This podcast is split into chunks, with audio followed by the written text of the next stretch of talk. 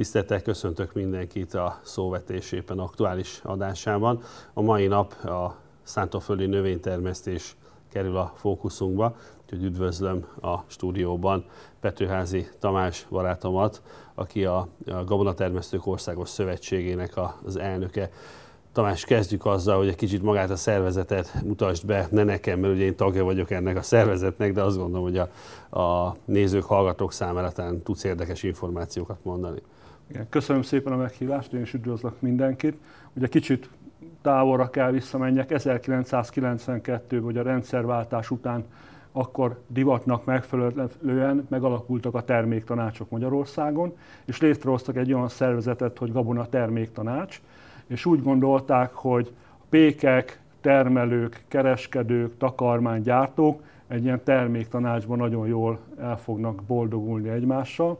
Sajnos ez az elképzelés ez nem vált be, és a fő ok az volt a terméktanácsnak a megszüntetésének, hogy úgy gondolták, hogy mindenkinek egy szavazatot adnak, és hát voltak olyanok, akik nem voltak ebbe érdekelt kérdések, és akkor meghatalmazták a másik felet, mondjuk a kereskedők egy pékekkel le tudták szavazni a gabonatermesztőket, akkor is, hogyha a többségben voltak, és 2003-ban született egy döntés, hogy feloszlatják a gabona terméktanácsot jogutód nélkül, és 2004-ben, hogy legyen egy termelői szervezet, megalakult a Gabonatermesztők Országos Szövetsége, ugye ez közel 3000 tag, és másfél millió hektár szántóföldi terület tartozik a szövetséghez. Mi ugye egy civil önkéntes szervezet vagyunk, és ennek megfelelően próbáljuk segíteni a tagjaink munkáját.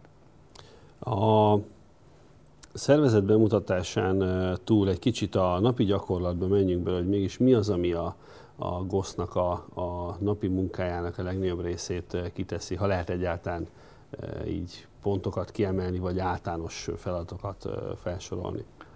Rendelkezünk egy nagyon jó hírlevélrendszerrel, ugye mi voltunk az elsők még a 2000-es évek közepe felé, hogy hírlevélt csináltunk a tagjainknak. Ez egy jól működő, keresett dolog a tagjaink részéről. Ezen kívül vannak projektjeink, ugye a legismertebb projektünk a posztregisztrációs kísérletek, amik most már ugye három növényt tesznek ki. Ez eléggé lefoglalja a munkánkat, úgyhogy ezeknek az intézése, az információ, lobby tevékenység, minden ilyen hozzátartozik a szervezet munkájához. Nevesítsük meg ezt a három növényt a kevésbé vágyfülűek számára. Ugye annak idején ezt kukoricával kezdtük 2006-ban ezt a tevékenységet, Ugye akkor már évek óta nem volt ilyen összehasonlító kísérlet Magyarországon.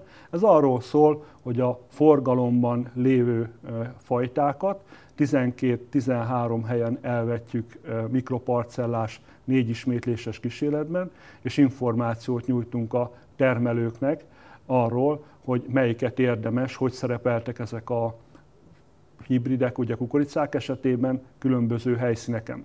Ugye következő évben elindult az őszi búzának a kísérlete, ugye ez is ugyanebben a nagyon szigorú rendszerrel, négy ismétléses mikroparcellás kísérlet, itt is nagyon jó eredményeink vannak. Rengeteg olyan dolog szűnt meg ennek következtében a piacon, amire nem is számítottunk. Tehát ilyen prospektusokból eltűntek ez a 16 meg 20 tonnát terem című fejezetek a, a prospektus, és ezeket elkezdték használni az emberek, rendezvényeken is cégek elkezdték ezeket az eredményeket bemutatni. Ugye itt egymás... Nyilván azok, akiknek az e számai legalább köszönő viszonyban voltak az általuk ismertetett számokkal. Igen, de több, többség elhagyta a prospektusokból azokat a számokat, amik, amik, amik, amik úgymond a mese kategóriába tartoznak, vagy valami nagyon optimális körülmények között el lehet érni. És itt a magyar viszonyok között elkezdődött ez a kísérlet. Ugye nagyon fontos egy kísérletnek az, hogy egy nagyon kidolgozott, nagyon erős metodikája, kiválasztási metodikája legyen, hogy milyen fajták, hibridek kerülnek be a vizsgálatba. Ez egy nagyon mértékadó dolog abból a szempontból, hogy nem lehet úgymond belenyúlni a kísérletbe, és ennek megfelelően a hitelességét ez adja. Ugye nagyon fontos a publikációja ezeknek a kísérleti eredményeknek, hogy összehasonlítva legyenek tudjanak választani. Tehát ez a kísérletnek soha nem az volt a, a célja, hogy egy újabb doktori dolgozatot írjon ebből valaki, vagy valamilyen tudomány, hanem az, hogy a termelőket segítsük, egy közepes felkészültsége, és egy termelő ki tudja választani azokat a fajtákat, amiben érdemes gondolkodni. És ugye tavalyi évben pedig a Nemzeti Agrárgazdasági Kamara segítségével az őszi káposzta repcébe is sikerült elvetni az első kísérleteket. Ez egy nagyon új dolog, nagyon várjuk hogy milyenek lesznek az eredmények. Hát sajnos sok jóra évben, ne számítsunk. igen, sok, ebben az évben sajnos nem a repce éve lesz, ezt már látjuk De ki fog derülni, hogy melyek az asszálytűrő fajták. Igen, ki fog derülni.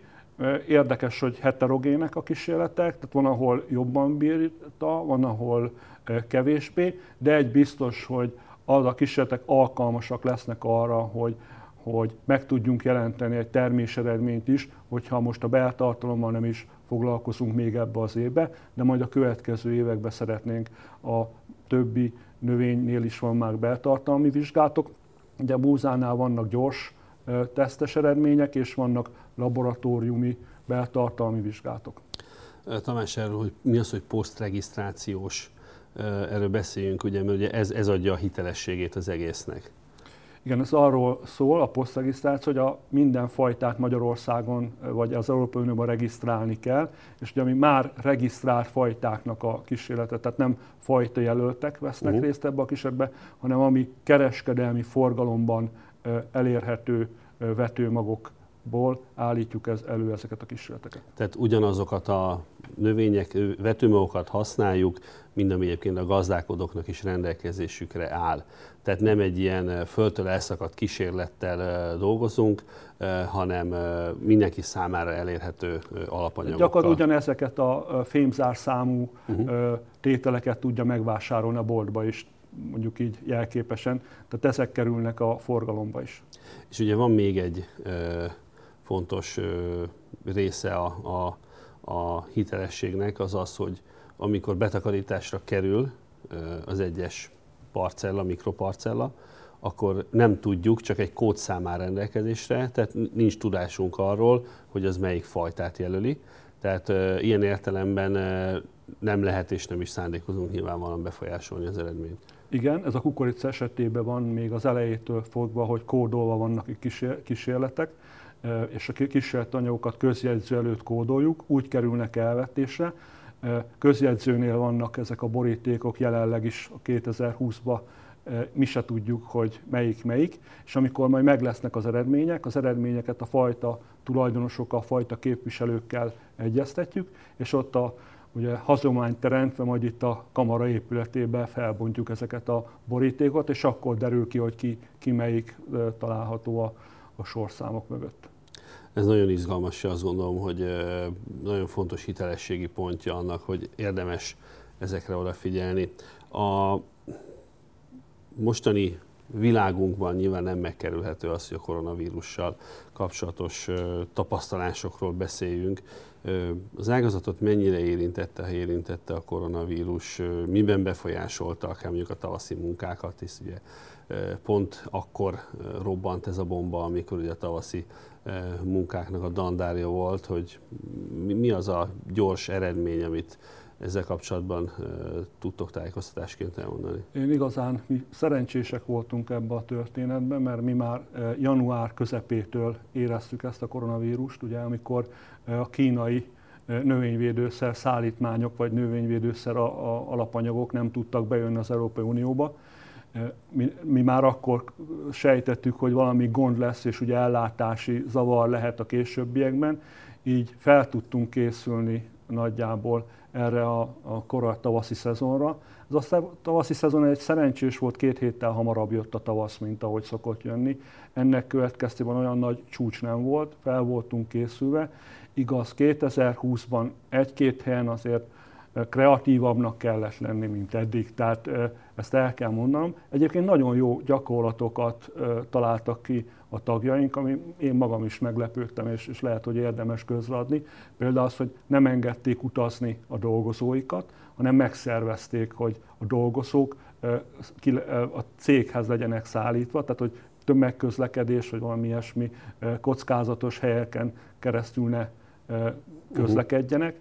Ezen kívül nagyon érdekes és nagyon jó ötlet, és szerintem használni fogják a töve, következő években is azt, hogy azoknál a gépeknél, aminek nincsen tankolás, csak egy nap vagy két napon elég tankolni, azokat a gépeket nem vitték be a telephelyre, hanem a dolgozót vitték ki, és gyakorlatilag a műszak átadása kint a szántóföldön történt meg. Uh-huh. Tehát, hogy a felesleges közlekedés és kockázatforrásokat próbálták ezzel csökkenteni.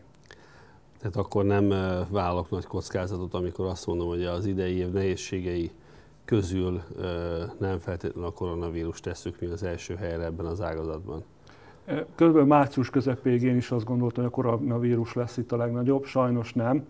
Jött a, a száj, és sokkal nagyobb tragédiát okoz, mint amire számítottunk. Ugye hozzá voltunk szokva, hogy vannak ilyen asszás időszakok, tavaly és tavaly előtt is volt. Ugye ennek az évnek igazán az a tragédiája, hogy 2019 ősze optimális volt a szántófő termesztés szempontjából, nagyon jó időben, nagyon jó minőségben el tudtuk végezni a munkánkat, és a december elején itt a kamarás kollégákkal készített felmérésben soha nem látott jó eredmények voltak. 70 fölött voltak a jó minőségű vetések aránya az országban. Ez 50-55 százaléknál sose szokott jobb lenni, és gondoljuk el, hogy 20 százalékkal jobb volt ennek az állapota.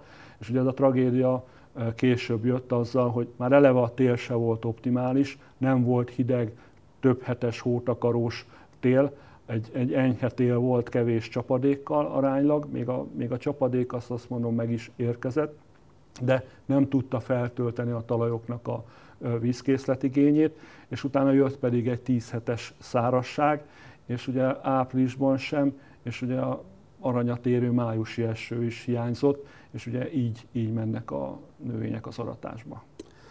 Így van. A, az összivetésű növények közül melyik hogy reagált, mennyire ö, sínlette meg ezt a 10 hetes asszályos időszakot, mert nyilván utána jött azért csapadék, de hát elmondhatjuk, én azt gondolom, hogy volt, van olyan kultúra, aminek a halottnak a csók kategória, de mondjuk mi a meglátásod, van-e olyan, ami, amire mondjuk ez az állítás már nem igaz, és mondjuk ha valamit is, de azért csak ért?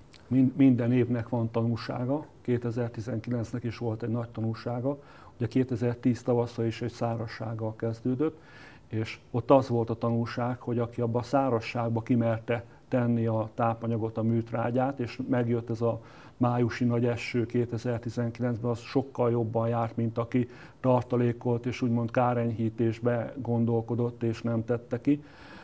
2020-nak egyik nagy tanulsága szerintem az, hogy akik bátrak voltak, és 2019 őszén a jó őszre való tekintet és a növények jó állapotára való tekintettel kimertek tenni az őszi kalászosokkal egy 50-60 kg nitrogént hektáronként, azoknak most sokkal jobb a helyzete, mint a többieknek. És a kérdésedre visszatérve, hogy a legjobban az őszi káposzta repce lette meg ezt az időjárást, és ő, ő van a legrosszabb állapotban.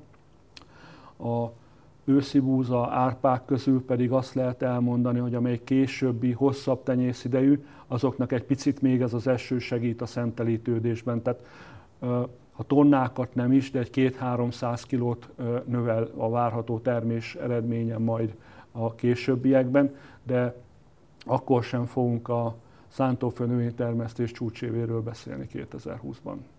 Ez akkor is igaz, hogyha a tavaszi vetésű növények rekord eredményeket hoznak? Mert ugye még Nagyon ez benne van a kalapban. E, igen, e, minden benne van a kalapban. E, azt ne felejtsük el, hogy ők is egy stressz, egy abiotikus stresszel kezdték az életüket. E, az elmúlt idő, években nagyon kicsi és nagyon kevés hely volt, szer volt Magyarországon, úgyhogy nem voltak egységes kelések.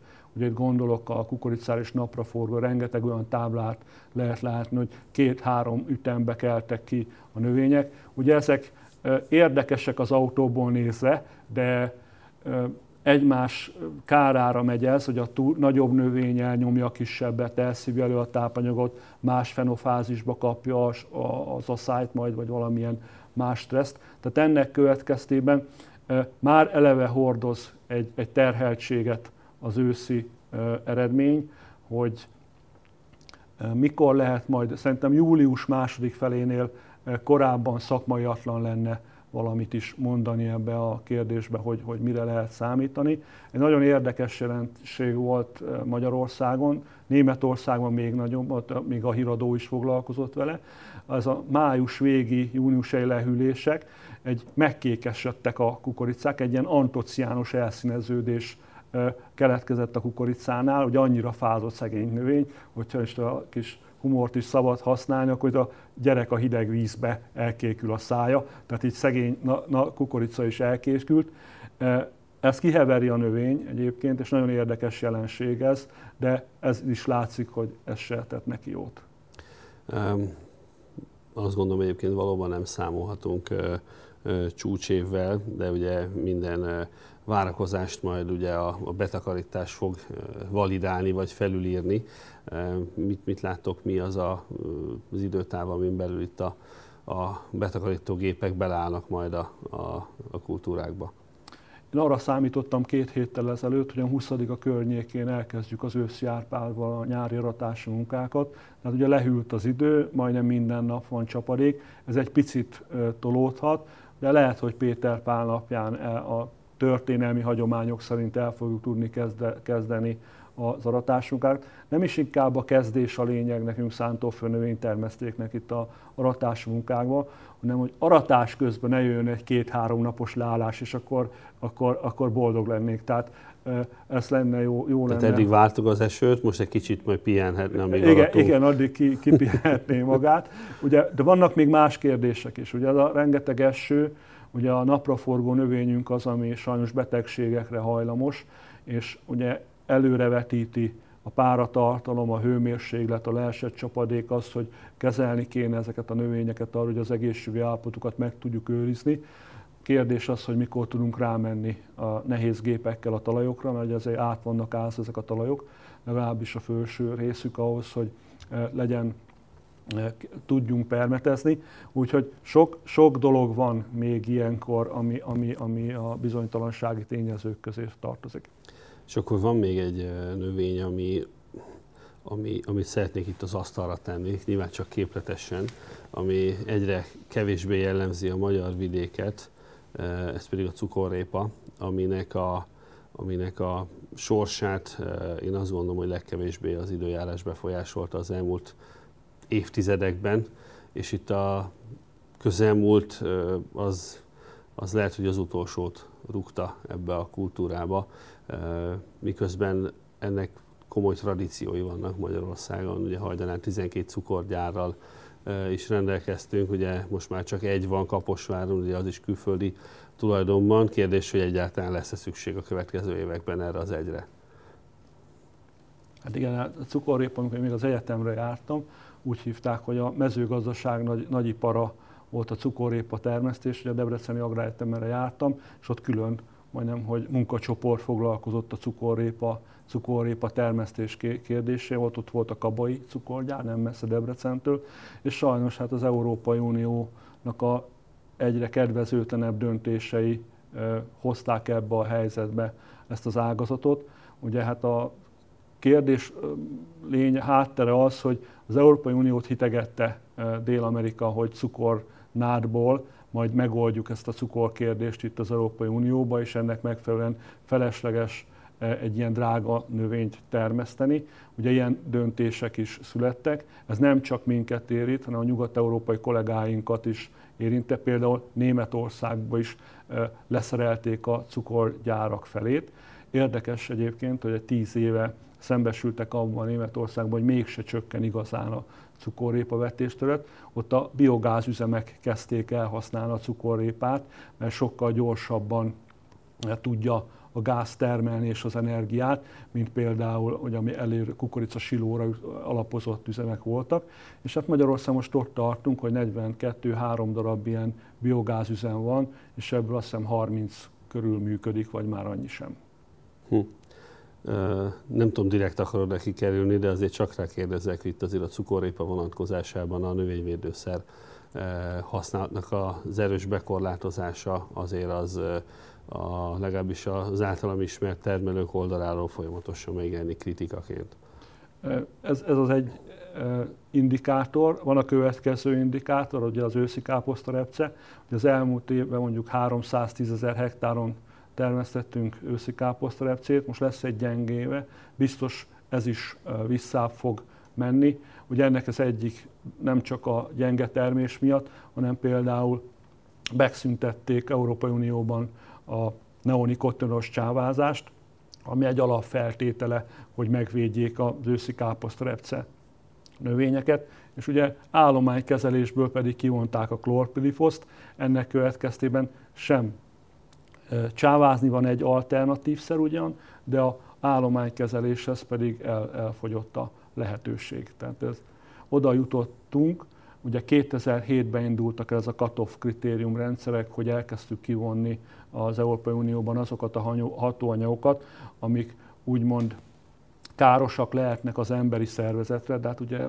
ezek növényvédőszerek, mérgek, nem hiába írjuk elő a növényvédőszer felhasználásokkal szigorúbb szabályok, iskolai végzettséget, a, akik írhatnak receptet, növényorvos rendszer van Magyarországon, közel 3000 növényorvos lát el szolgálatot, és, és még így is. És az Unió pedig ugye a zöld megfelelésnek alárendelve minden olyan hatóanyagot, és legjobban egyébként a rovarírtószerek, amik érintettek ebbe a kérdésben.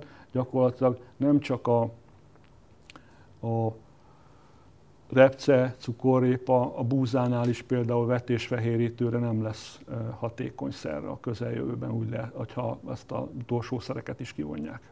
Igen, és ilyen nagy, nagy fejtöréshez gazdálkodóknak, hogy ezeket a kivont szereket mivel lehet egyáltalán helyettesíteni. Ugye, mivel jellemzően nincsenek alternatív szerek, amik egy az egybe kiváltanák, ezért nem egy esetben kénytelenek vagyunk egyszer helyett több szert kiuttatni, hogy hát ha azok együttes hatása kiváltja az általunk remélt eredményt, és én azt vélelmezem, hogy nem egy esetben ilyenkor sokkal nagyobb környezeti terhelést hajtunk végre, nem feltétlenül jó, szándé, jó szántunkból, mint amivel egyébként eredetileg is terheltük a környezetet. Nyilván fel lehet tenni azt a kérdést, mi a csodáért kell egyáltalán a környezetet ilyen szerekkel termelni. Hát azt gondolom, hogy könnyű belátni, hogy ezen szerek hiányában a termés eredményeink azok drasztikusan csökkennének, és ebben ez, hogy a napi gyakorlatban ez azt jelenti, hogy akkor rendelkezésre álló élelmiszer is kevesebb lenne. A gazdasági teljesítményünk is jóval csekélyebb lenne. Mit gondolsz, mennyire fog ez a feszültség a, a környezet, természetvédelem, illetve a, a, a mezőgazdasági termelés között a következő időszakban éleződni? A kérdés elejére, tehát hogy ugye most ez a jobbik döntés az, hogy több kezelés, több hatóanyag, több, többször próbálkozok, egy nagyobb terhelésre próbál az ember megoldani. Ugye ez rettentő költségigényes próbálkozás. A másik, ami, amitől fájdalmasabb lesz és, és nagyobb probléma lesz, hogy majd a, a fekete beszerzések, a szürke technológiák, amikor majd egymás közt a termelők elkezdik mondogatni, hogy figyelj, ebbe ugyan nincs engedélyezve ez a hatóanyag, de mi kipróbáltuk és jó rá. És, és ugye én ebben nem szeretnék eljutni, tehát ebbe a történetbe, hogy ez oda jusson, hogy ilyen fekete technológiákat, esetleg szürke importból származó hatóanyagokat, szereket kezdjenek a termelők használni. Bocsánat, hogy szabad, mert ugye az, hogy az Európai Unióban betiltják, az nem jelenti azt, hogy Ukrajnában mondjuk nem lehet majd kapni? Persze. Hát a versenyelőnye, ugye ez van meg. Egyébként éppen múltkor beszélgettem egy nagy világcégnek a növényvédelmi vezetőjével, és elmondta, hogy hát, hogy most kezdenek arról beszélgetni Afrikába, hogy a DDT-t csökkenteni kéne, vagy be, be, betiltani. Ugye ez nálunk 60-as évek óta be van tiltva, és gondoljuk azt a, azt a dolgot, hogy azóta eltelt 50 év, de, és még azok ugyanúgy használják, és az ott Afrikában lévő növényvédőszerkereskedők ugyanúgy árulják, mint amit itt nálunk a 60-as években betiltottak. Igen, ezek döbbenetes dolgok, és e, ez ami miatt én azt gondolom, hogy nagyon, nagyon szűk látókörű hozzáállás az, hogyha azt hiszük, hogy az Európai Unióban, hogyha korlátozzuk ezeket a szereket úgy, hogy egyébként az Európai Unióba beérkező termékek esetében nem követeljük meg, vagy nem kérjük számon, vagy nem követjük nyomon, hogy azoknál használták ezeket a szereket, akkor mi tettünk bármit is. Mert ha valóban csak arra koncentrálunk, hogy az európai termelőket egy ilyen egy ilyen szűk mesdjén próbáljuk meg elterelgetni, miközben meg az általunk tiltott technológiával ellállított élelmiszer jön be harmadik országból az Európai Unióba, akkor nem tettük más, mint tönkretettük a saját mezőgazdaságunkat. Igen, nekem ettől drasztikusabb véleményem van, tehát hogy ez a, ez a folyamat ez oda fog, fog jutni, hogy termelő fog hozni döntéseket, a, olyan döntéseket, hogy egyes növényeket nem fog termeszteni, mert azt mondja, hogy ez nem biztonságos, kockázatos, a termelő az egy vállalkozó, vállalkozói szemlélettel termel, investál be két-háromszáz ezer forintot hektáronként egy, egy kultúrába, és abból ugye szeretné visszalátni legalább ezt a pénzt, és azt fogja mondani, hogy nem ezt a növényt termesztem. Ez az egy, egyik probléma. Ugye, hogyha ezt megoldjuk azt, hogy Európai Unióban ne legyen termesztés, ezt ugye administratívan ez a folyamat segíti, biztos meg fogják azt oldani, hogy honnan fog ez az élelmiszer bejönni. Egy biztos, hogy a papír bármit elbír. Tehát, hogy milyen nyomon követhetőség, papírokkal felszerelve fog bejönni az, az élelmiszer, elbírom képzelni. Tehát, hogy nem kell, hogy az a papír egyenes arányból legyen a, megte, a valósággal, jön majd vele szépen a papír. Egy biztos egyet kell látni mindenkinek, hogy ez nem azon az áron lesz, mint amit itt helyben termelnek meg.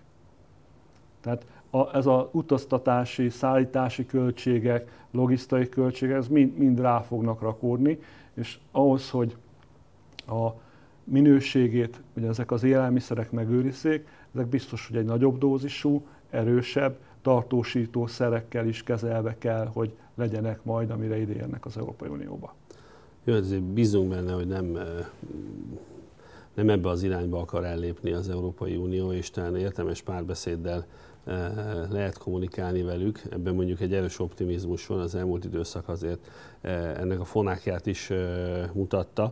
De most ne, ne, ne kanyarogjunk az Európai Unió fel egy kicsit nézzünk inkább szét hazai tájakon. Tamás, mit gondolsz? Az elmúlt 20 évben azt gondolom egy elég dinamikus fejlesztés volt jellemző a szántóföldi növénytermesztésben, akár technológiában, akár alkalmazott eszközökben. Hova tennéd a magyar szántóföldi növénytermesztést versenyképesség szempontjából így az Európai Unión belül, és mit gondolsz, mik azok a pontok, amikkel a versenyképességünket még tovább tudnánk javítani? Rengeteg közgazdasági mérőszám és mutatószámon, amit ilyenkor elő lehet venni és elő kell venni. Ugye nagyon egyszerűen, hogyha csak azt nézzük, hogy a nyugat-európai társainkhoz, termelő társainkhoz hogy állunk árbevétel szempontjából, a magyar szántóföldi növénytermesztő, egy átlagról beszélek, ez 3-500 euróval el van maradva hektáronként, mint árbe, az árbevétele. Ugye nem hiába beszéltünk erről a kísérleti rendszerünkről, hogy aki választ és jól választ, akár egy tonnával többet tud termelni, az mindjárt 50 ezer forint, akár 150 euró plusz árbevétel is lehet neki hektáronként. Tehát nekünk ezt a 3-500 eurós hátrányt ezt le kell dolgozni. Hogyha magyar szántóföld növénytermesztés polaritását nézem, akkor van egy 10-15 százalék Magyarországon, aki rettentő jó helyzetben van, a világ viszonylatban is kiemelkedően jó termes, teljesít. Hogyha mondhatok számokat, akkor 11-12 tonna kukoricát meg tud termelni, fehérje növényből mondjuk napraforgóból 4 tonnás üzemi átlagot tud, repcéből is hasonló tud termelni, őszi kalászosból meg a 7-8 tonna fölötti termésekkel is tud büszkélkelkedni, ők nekik nincs problémájuk, és nem, nem lesz. Sajnos akik a jelenleg az országos átlag környékén, vagy esetleg alatta termelnek, velük viszont nagyon nagy probléma lehet versenyképességi szempontból a következő évtized közepére, hogy elfogy ez a lendület. Magyarországnak van egy komoly komparatív előnye a szántóföld termesztésben. Mi többet tudunk termelni jobban, jobb minőségbe, mint a környező országok. Sajnos ezt nem tudjuk kihasználni, nem, nem mindenkinek sikerül kihasználni. Ugye vannak ilyen asszályos évek, lehet a generációváltásra is fogni valamilyen szinten, hogy nem, nem bátrak a termelők, nem merik odaadni a hatóanyagokat. Ugye el, kell, el kell ismernünk, hogy a rendszerváltás előtti szintre még mindig nem tudunk tápanyaggazdálkodásba visszajutni.